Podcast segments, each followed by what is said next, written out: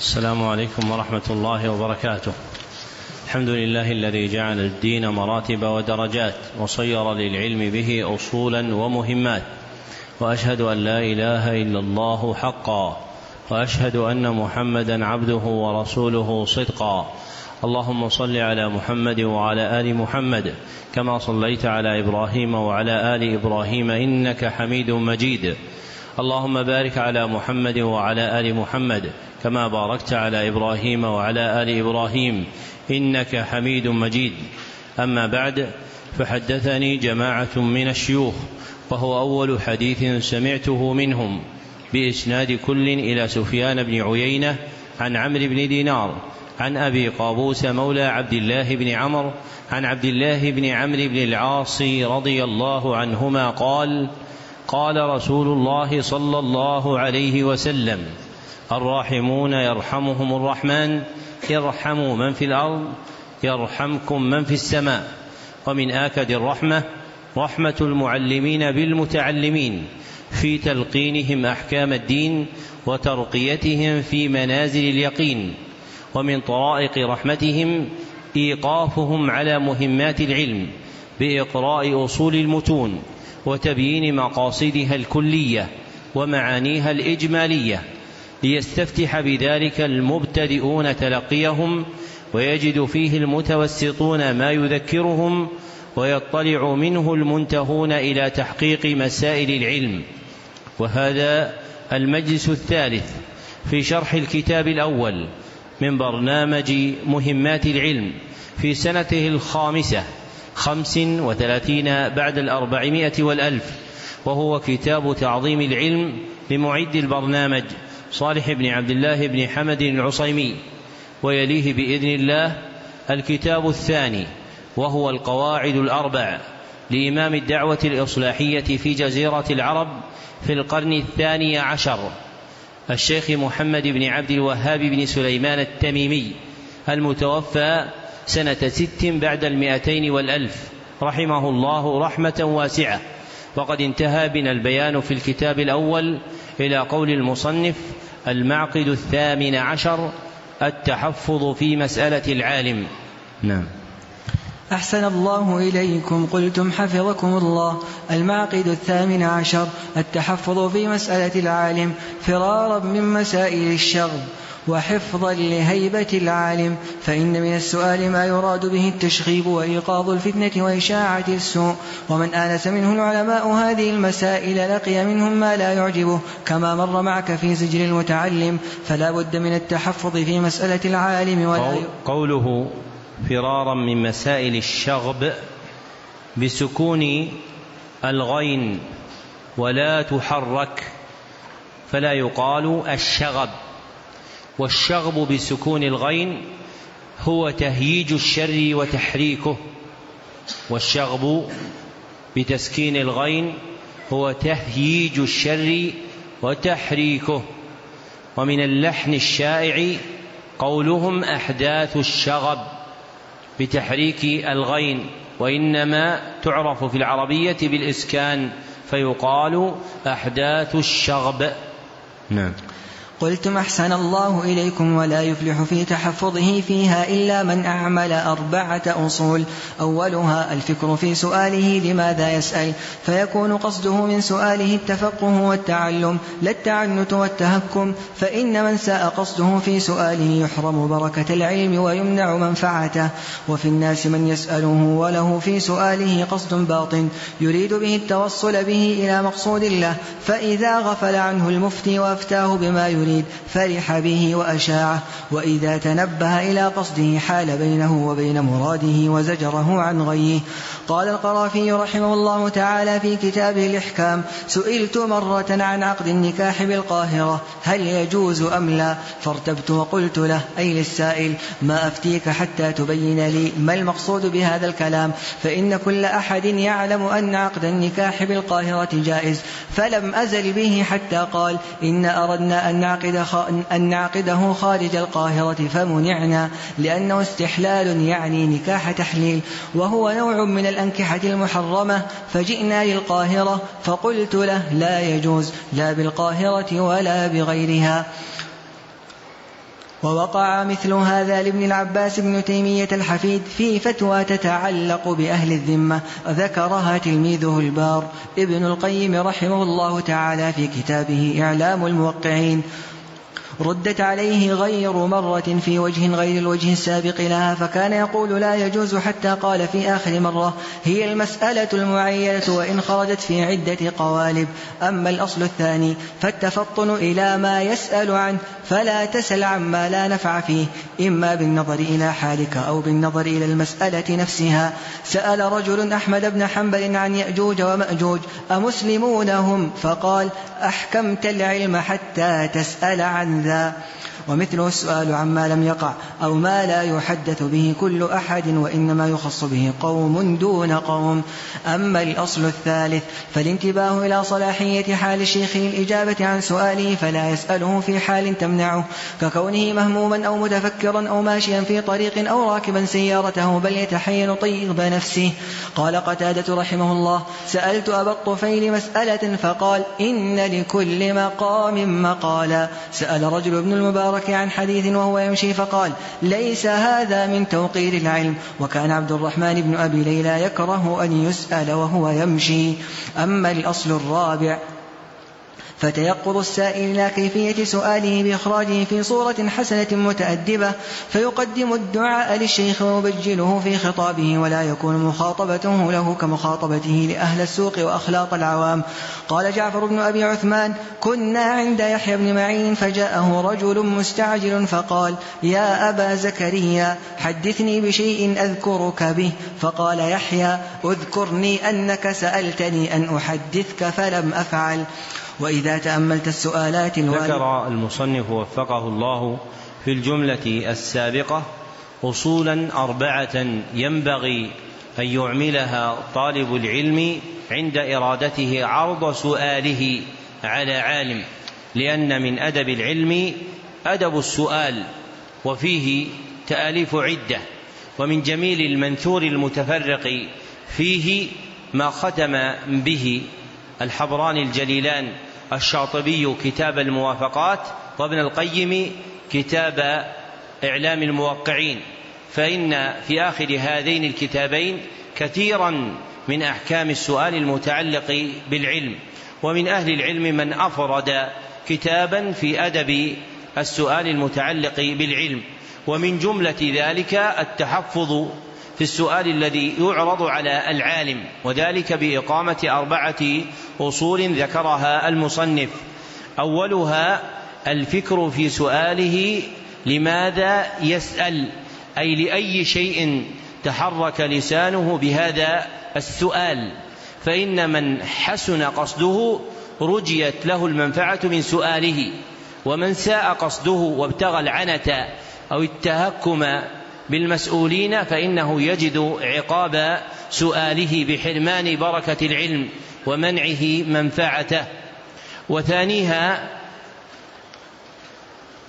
أن يتفطن السائل إلى ما يسأل عنه فلا يسأل عن شيء لا نفع له فيه إما بالنظر إلى حاله وأنه لم يتهيأ بعد لهذه المسائل أو لا صلة له بها فليست من شأنه وإما بالنظر إلى عين المسألة وأنه لا يترتب عليها كبير شيء. كالرجل الذي سأل أحمد بن حنبل عن يأجوج ومأجوج أمسلمون هم؟ فقال أحكمت العلم حتى تسأل عن ذا. يعني عرفت العلم كله فلم يبق إلا هذا لتسأل عنه. ومن شواهد الأحوال في ولع الناس بسؤالهم عما لا نفع به ما ذكره السيوطي في مفحمات الأقران في مبهمات القرآن أن كثيرا من الناس كانوا يسألونه عن ماء طوفان نوح أكان عذبا أم مالحا؟ إلى آخر ما ذكر عفى الله عنه.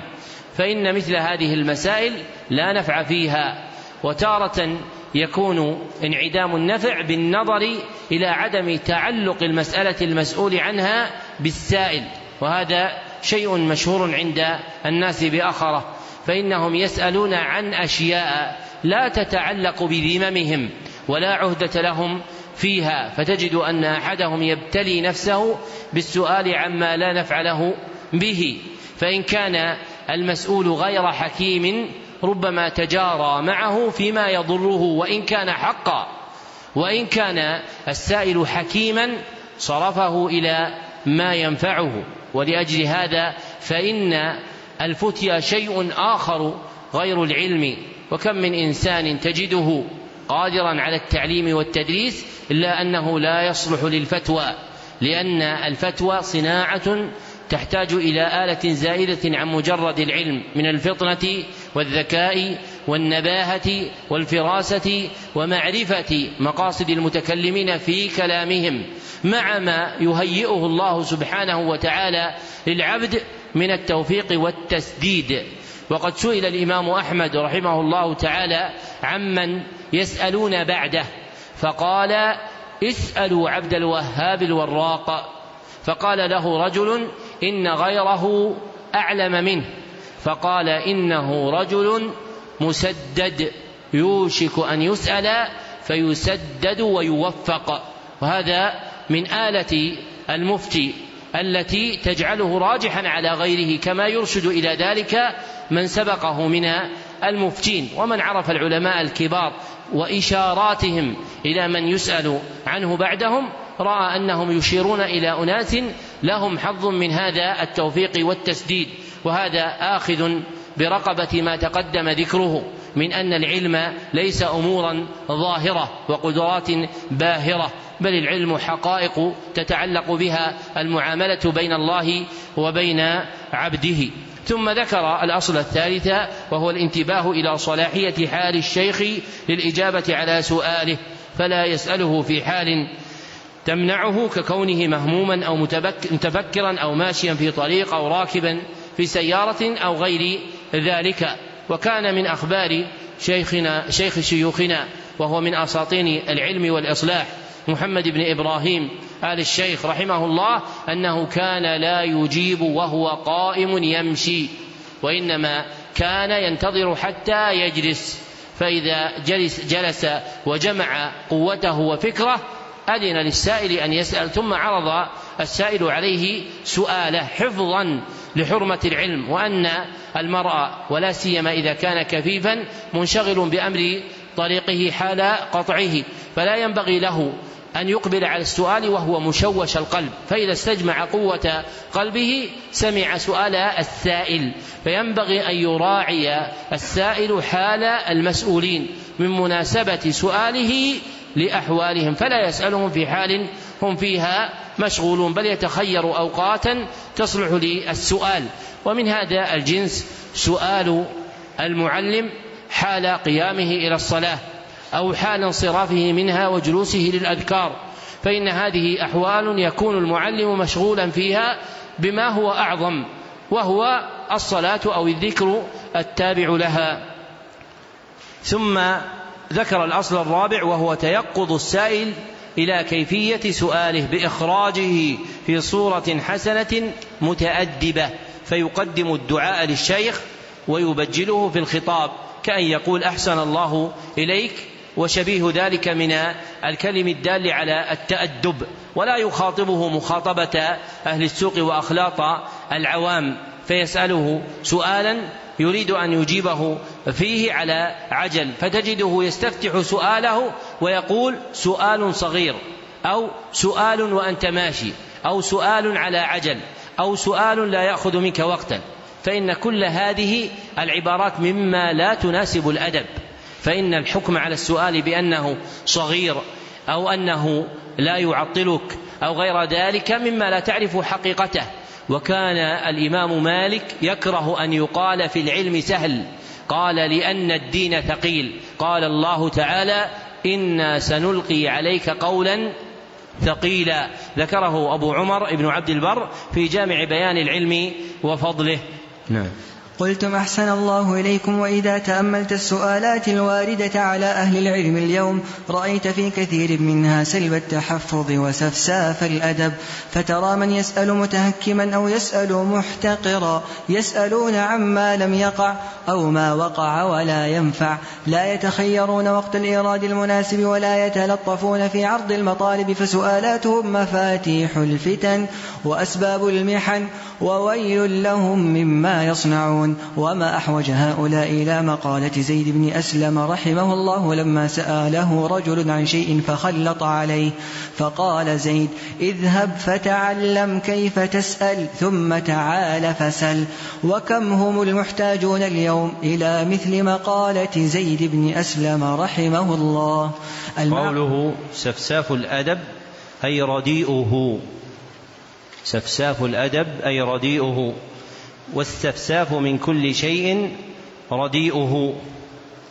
وما ذكره المصنف من خبر عن حال أكثر السؤالات الواردة اليوم مما يوجب على طالب العلم أن يتحفظ من أن تكون حاله كحالهم فلا يسأل متهكما ولا يسأل محتقرا ولا يسأل عما لم يقع ولا يسأل عما وقع ولا نفع له فيه ويتخير الوقت المناسب لعرض سؤاله فإن العدول عن ذلك ربما أوقع العبد فيما لا تحمد عقباه فإما أن تكون تلك العاقبة التي لا تحمد عذابا يعذب الله عز وجل به قلبه.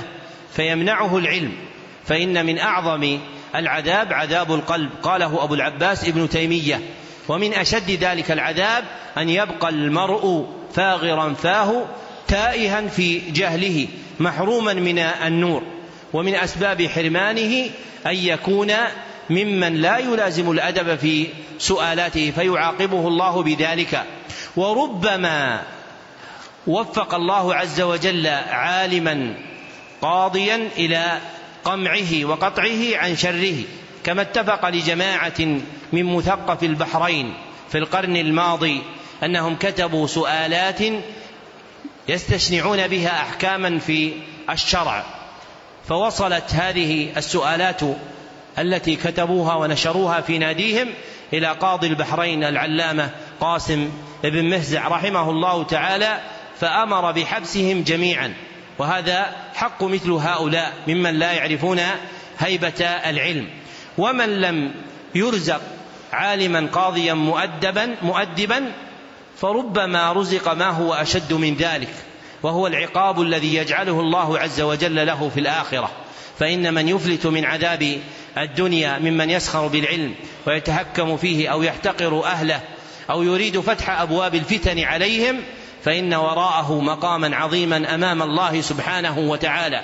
وإذا أمكن للعبد أن يخرج من الخلق بكلمة فإن المخرج من الله عز وجل شديد والمقام بين يدي الله عز وجل عظيم. ومن اتقى الله وقاه ومن لم يبال بحرمة العلم والدين ولا حفظ حقوق علماء المسلمين فإن الله سبحانه وتعالى معاجله بالعذاب الأليم. فينبغي أن يتحرز المرء في حفظ الدين ومن جملة ذلك حفظه هيبة أهله بمعرفة كيفية سؤالهم بإعمال هذه الأصول الأربعة التي ذكرناها في التحفظ في مسألة العالم وغيرها من الآداب الملتحقة بها مما يتصل بأدب السؤال وقد ذكرت لكم كتابين فيهما مباحث منيفة تتعلق بهذا الأدب نعم. قلتم أحسن الله إليكم المعقد التاسع عشر شغف القلب بالعلم وغلبته عليه فصدق الطلب له توجب محبته وتعلق القلب به ولا ينال العبد درجة العلم حتى تكون لذته الكبرى فيه. قال ابن القيم رحمه الله تعالى في مفتاح دار السعادة ومن لم يغلب لذة إدراكه وشهوته على لذة جسمه وشهوة نفسه لم ينل درجة العلم أبدا وإنما تنال لذة العلم بثلاثة أمور. ذكرها أبو عبد الله بن القيم رحمه الله في كتابه السالف أحدها بذل الوسع والجهد وثانيها صدق الطلب وثالثها صحة النية والإخلاص. ولا تتم هذه الأمور الثلاثة إلا مع دفع كل ما يشغل عن القلب. ذكر المصنف وفقه الله معقدا آخر من معاقد تعظيم العلم وهو شغف القلب بالعلم. والمراد بشغف القلب بالعلم بلوغه شغاف القلب بلوغه شغاف القلب وهو غشاؤه وغطاؤه وهو غشاؤه وغطاؤه. ومنه قوله تعالى قد شغفها حبا أي ملأ حبه قلبها حتى خالط باطنه. وذكر المصنف بعد أن لذة العلم التي توصل إلى كمال محبته تنال بثلاثة أمور ذكرها ابن القيم. أحدها بذل الوسع والجهد والوسع هو الطاقة وواوه تضم وتفتح وتكسر أيضا فهي مثلثة فيقال الوسع والوسع والوسع والمراد بها الطاقة. وثانيها صدق الطلب. وثالثها صحة النية والإخلاص والعطف بينهما من عطف الخاص على العام. والعطف بينهما من عطف الخاص على العام. فقد تقدم أن الإخلاص شرعا هو تصفية القلب من إرادة غير الله. وأما النية شرعا فهي إرادة القلب العمل تقربا إلى الله. وأما النية شرعا فهي إرادة القلب العمل تقربا إلى الله. فالنية من أعمال القلب والإخلاص هي الصفة الشرعية المأمور بها للنية. فالنية من أعمال القلب والإخلاص هو الصفة الشرعية المأمور بها في النية. نعم. أحسن الله إليكم قلتم حفظكم الله ومن سبر هذه اللذة في أحوال السابقين من علماء الأمة رأى عجبا فلسان أحدهم ما لذتي إلا رواية مسند قد قيدت بفصاحة الألفاظ ومجالس فيها تحل سكينة ومذاكرات معاشر الحفاظ. إن لذة العلم فوق لذة السلطان والحكم التي تتطلع إليها نفوس كثيرة وتبذل لأجلها أموال وفيرة وتسفك دماء غزيرة. بات أبو جعفر النسفي مهمونا من ضيق البال وسوء الحال وكثرة العيال فوقع في خاطره فرع من فروع فروع مذهبه وكان رحمه الله حنفيا فأعجب به فقام يرقص في داره ويقول أين الملوك وأبناء الملوك؟ أين الملوك وأبناء الملوك؟ إذا خاض في بحر التفكر خاطري على درة من معضلات المطالب. حقرت ملوك الأرض في نيل ما حووا ونلت المنى بالكتب لا بالكتائب. ولهذا كانت الملوك تتتوق إلى لذة العلم وتحس فقدها وتطلب تحصيلها. قيل لأبي جعفر المنصور الخليفة العباسي المشهور الذي كانت ممالكه تملأ الشرق والغرب هل بقي من لذات الدنيا شيء لم تنن فقال وهو مستو على كرسيه وسرير ملكه بقيت خصلة أن أقعد على مصطبة وحولي أصحاب الحديث أي طلاب العلم فيقول المستملي من ذكرت رحمك الله؟ يعني فيقول حدثنا فلان قال حدثنا فلان. ويسوق الأحاديث المسندة. فانظر إلى شدة افتقار هذا الخليفة إلى لذة العلم وطلبه تحصيلها وجوعته إليها. ومتى عمر القلب بلذة العلم سقطت لذات العادات وذهلت النفس عنها.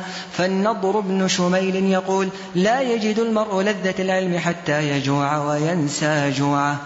بل تستحيل الآلام لذة بهذه اللذة. ومحمد بن هارون الدمشقي يقول لمحبرة تجالسني نهاري أحب إلي من أنس الصديق. ورزمة كاغد في البيت عندي أحب إلي من عدل الدقيق. ولطمة عالم في الخد مني ألذ لدي من شرب الرحيق. قوله رزمة كاغد الكاغد هو الورق وغينه تفتح وتكسر. نعم. قلتم أحسن الله إليكم ولا تعجب فما هذه الأحوال إلا مس عشق العلم.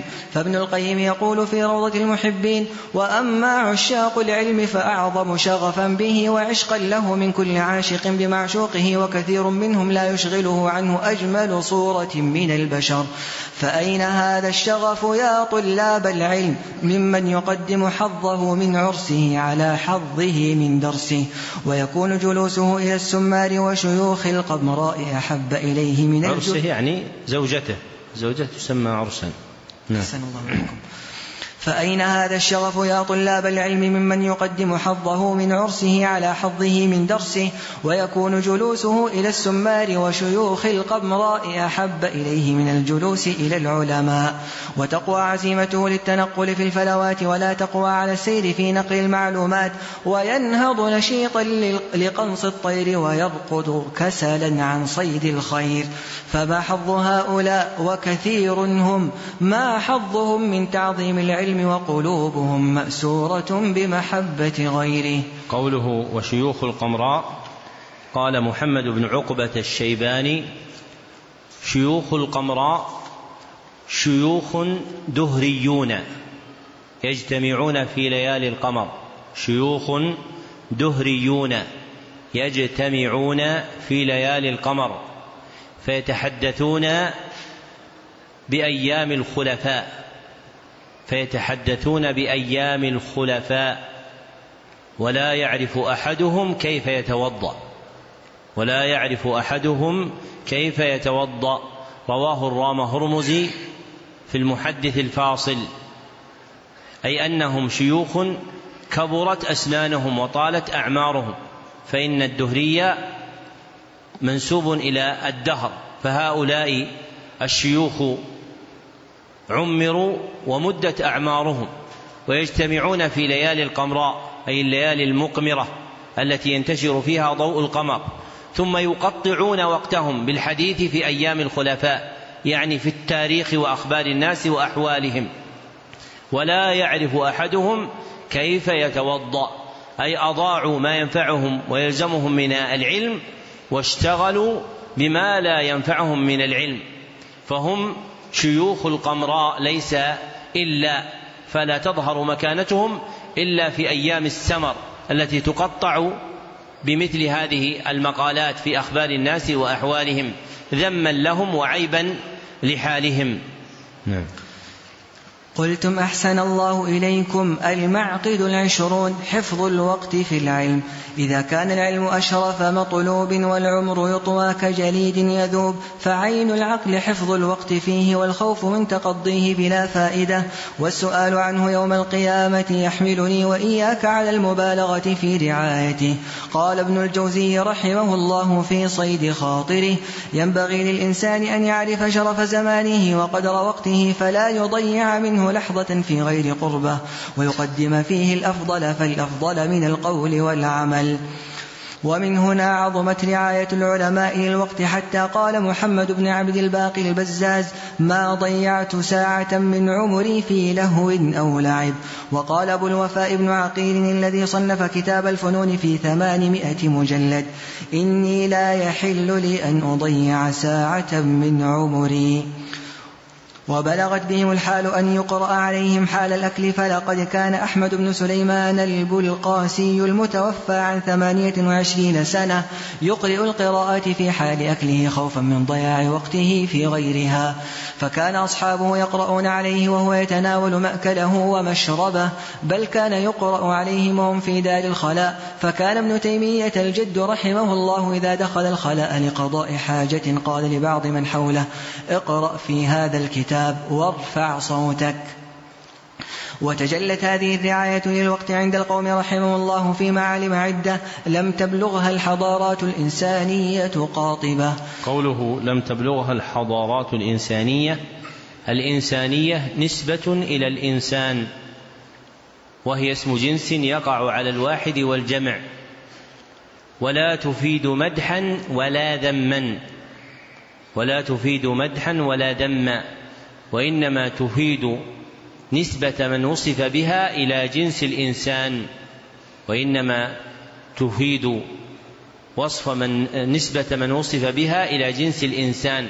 فإذا قلت إن هذا عمل انساني فالمعنى عمل يصدر من أحد منسوب إلى الناس. أما جعلها دالة على المدح فهذا ليس معنى من كلام العرب. وإنما هو من اصطلاحات الفلاسفة القدامى فإن الإنسانية عندهم صفة محمودة وهي موافقة الكمالات النفسية. وهذا المعنى لا تعرفه العرب في كمال كلامها وهو مما اندرج من الاصطلاح حتى دخل كلام الناس فظنوا أن معنى إنسان أنه موصوف بالخصال الحميدة. وهذا معنى ليس من كلام العرب وإنما إذا قلت إنساني أي منصوف إلى هذا أي منسوب إلى هذا الجنس وهو جنس الإنسان. نعم. قلتم أحسن الله إليكم منها كثرة دروسهم فقد كان النووي رحمه الله يقرأ كل يوم اثني عشر درسا على مشايخه. والشوكاني رحمه الله صاحب نيل الأوطار تبلغ دروسه في اليوم والليلة ثلاثة عشر درسا منها ما يأخذه عن مشايخه ومنها ما يأخذه عنه تلامذته. وأربى محمود الألوسي صاحب التفسير عليهم جميعا فقد كان يدرس في اليوم أربعة وعشرين درسا ولما اشتغل بالتفسير والإفتاء نقصت إلى ثلاثة عشر درسا. ثم رأيت في ترجمة محمد بن أبي بكر بن جماعة أن دروسه تبلغ في اليوم والليلة نحو خمسين درسا ومنها كثرة مدروساتهم. فقد درس ابن التبان المدونة نحو ألف مرة وربما وجد في بعض كتب عباس بن, عباس بن الفارسي بخطه درسته ألف مرة. وكرر غالب بن عبد الرحمن المعروف بن عطية والد صاحب التفسير المشهور صحيح البخاري سبعمائة مرة. ومنها كثرة مكتوباتهم. فأحمد بن عبد الدائم المقدسي أحد شيوخ العلم من الحنابلة كتب بيده ألفي مجلد ووقع مثله لابن الجوزي. ومنها كثرة مقروءاتهم. فابن الجوزي رحمه الله طالع وهو بعد في الطلب عشرين ألف مجلد. ومنها كثرة شيوخهم فالذين جاوز عدد شيوخهم الألف كثير في هذه الأمة. وأعجب ما ذكر أن أبا سعد السمعاني بلغ عدد شيوخه سبعة آلاف شيخ. قال ابن النجار في ذيل تاريخ بغداد وهذا شيء لم يبلغه أحد. ومنها كثرة مسموعاتهم وقراءاتهم على شيوخهم من التصانيف المطولة والأجزاء الصغيرة فقد تعد بالآلاف المؤلفة كما وقع لابن السمعاني المذكور وصاحبه ابن عساكر في جماعة آخرين ومنها كثرة مصنفاتهم حتى عدت ألف مصنف لجماعة من علماء هذه الأمة. منهم عبد الملك بن حبيب عالم الأندلس وأبو الفرج بن الجوزي فاحفظ أيها الطالب وقتك فقد أبلغ الوزير الصالح بن هبيرة في نصحك بقوله والوقت أنفس ما عنيت بحفظه وأراه أسهل ما عليك يضيع. قوله ما عنيت بحفظه بضم العين مبنيا للمفعول أي شغلت. وقوله وأراه أسهل يجوز في الهمزة الفتح. أراه بمعنى العلم ويجوز أيضا الضم بمعنى ويجوز أيضا الضم بمعنى الظن. فيصح أن تقول وأراه أسهل ما عليك يضيع أي وأعلم قطعا أنه أسهل ما عليك يضيع. ويجوز أن تقول وأراه أسهل ما عليك يضيع أي أظن أنه أسهل شيء يضيع عليك. نعم. قلتم أحسن الله إليكم الخاتمة. إلى هنا بلغ القول التمام وحسن قطع الكلام بالختام. فيا شداة العلم وطلابه ويا قصاد الفقه وأربابه. امتثلوا معاقد التعظيم وأنتم تقبلون على مقاعد التعليم. تجدوا نفعه وتحمدوا عاقبته وإياكم والتهاون بها والعزوف عنها فإنها مفتاح العلم ومرقاة الفهم. فبها تجمع العلوم وتؤصل وبها تيسر الفنون وتحصل. قوله يا شداة العلم الشداة جمع شاد. الشداة جمع شاد. والشاد في العلم من أصاب طرفا حسنا منه. والشادي في العلم من أصاب طرفا حسنا منه. نعم. فشمروا عن ساعد الجد ولا تشغلوا بميعة الجد واحفظوا رحمكم الله. قول أبي عبد الله بن القيم رحمه الله. طالب النفوذ إلى الله والدار الآخرة بل إلى كل علم وصناعة ورئاسة بحيث يكون رأسا في ذلك مقتدا به فيه. يحتاج أن يكون شجاعا مقداما حاكما على وهمه. غير مقهور تحت سلطان تخيله زاهدا في كل ما سوى مطلوبه عاشقا لما توجه إليه عارفا بطريق الوصول إليه والطرق القواطع عنه. قوله حاكما على وهمه بسكون الهاء وهو الظن بسكون الهاء وهو الظن أي ما يتوهمه ظنا. وأما بتحريكها الوهم فهو الغلط. نعم. قلتم أحسن الله إليكم مقدام الهمة ثابت الجأش لا يثنيه عن مطلوبه. ما, ما قلت أنا هذا. قال رحمه الله تعالى هذا كلام ابن القيم تابع لكلام ابن القيم. نعم. قال رحمه الله تعالى مقدام الهمة ثابت الجأش لا يثنيه عن مطلوبه لو ملائم ولا عذل عاذل كثير السكون دائم الفكر غير مائل مع لذة المدح ولا ألم الذم قائما بما يحتاج إليه من أسباب معونته لا تستفزه المعارضات. شعاره الصبر وراحته التعب محبا لمكارم الأخلاق حافظا لوقته لا يخالط الناس إلا على حذر. كالطائر الذي يلتقط الحب بينهم قائما على نفسه بالرغبة والرهبة طامعا في نتائج الاختصاص على بني جنسه غير مرسل شيئا من حواسه عبثا ولا مسرحا خاطره في مراتب الكون.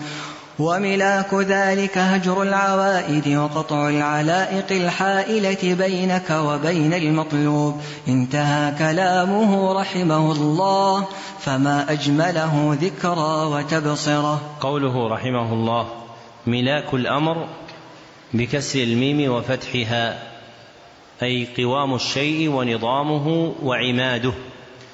وقد رد رحمه الله تعالى نظام تحصيل المطلوبات المعظمة إلى أصلين عظيمين. متى جمعهما الإنسان حصل مطلوبة فأصول الوصول إلى المطلوبات العظيمة ثلاثة فأصول تحصيل المطلوبات العظيمة ثلاثة. أحدها هجر العوائد أي ترك ما جرت به عادة الناس وألفوه. أي ترك ما جرت به عادة الناس وألفوه.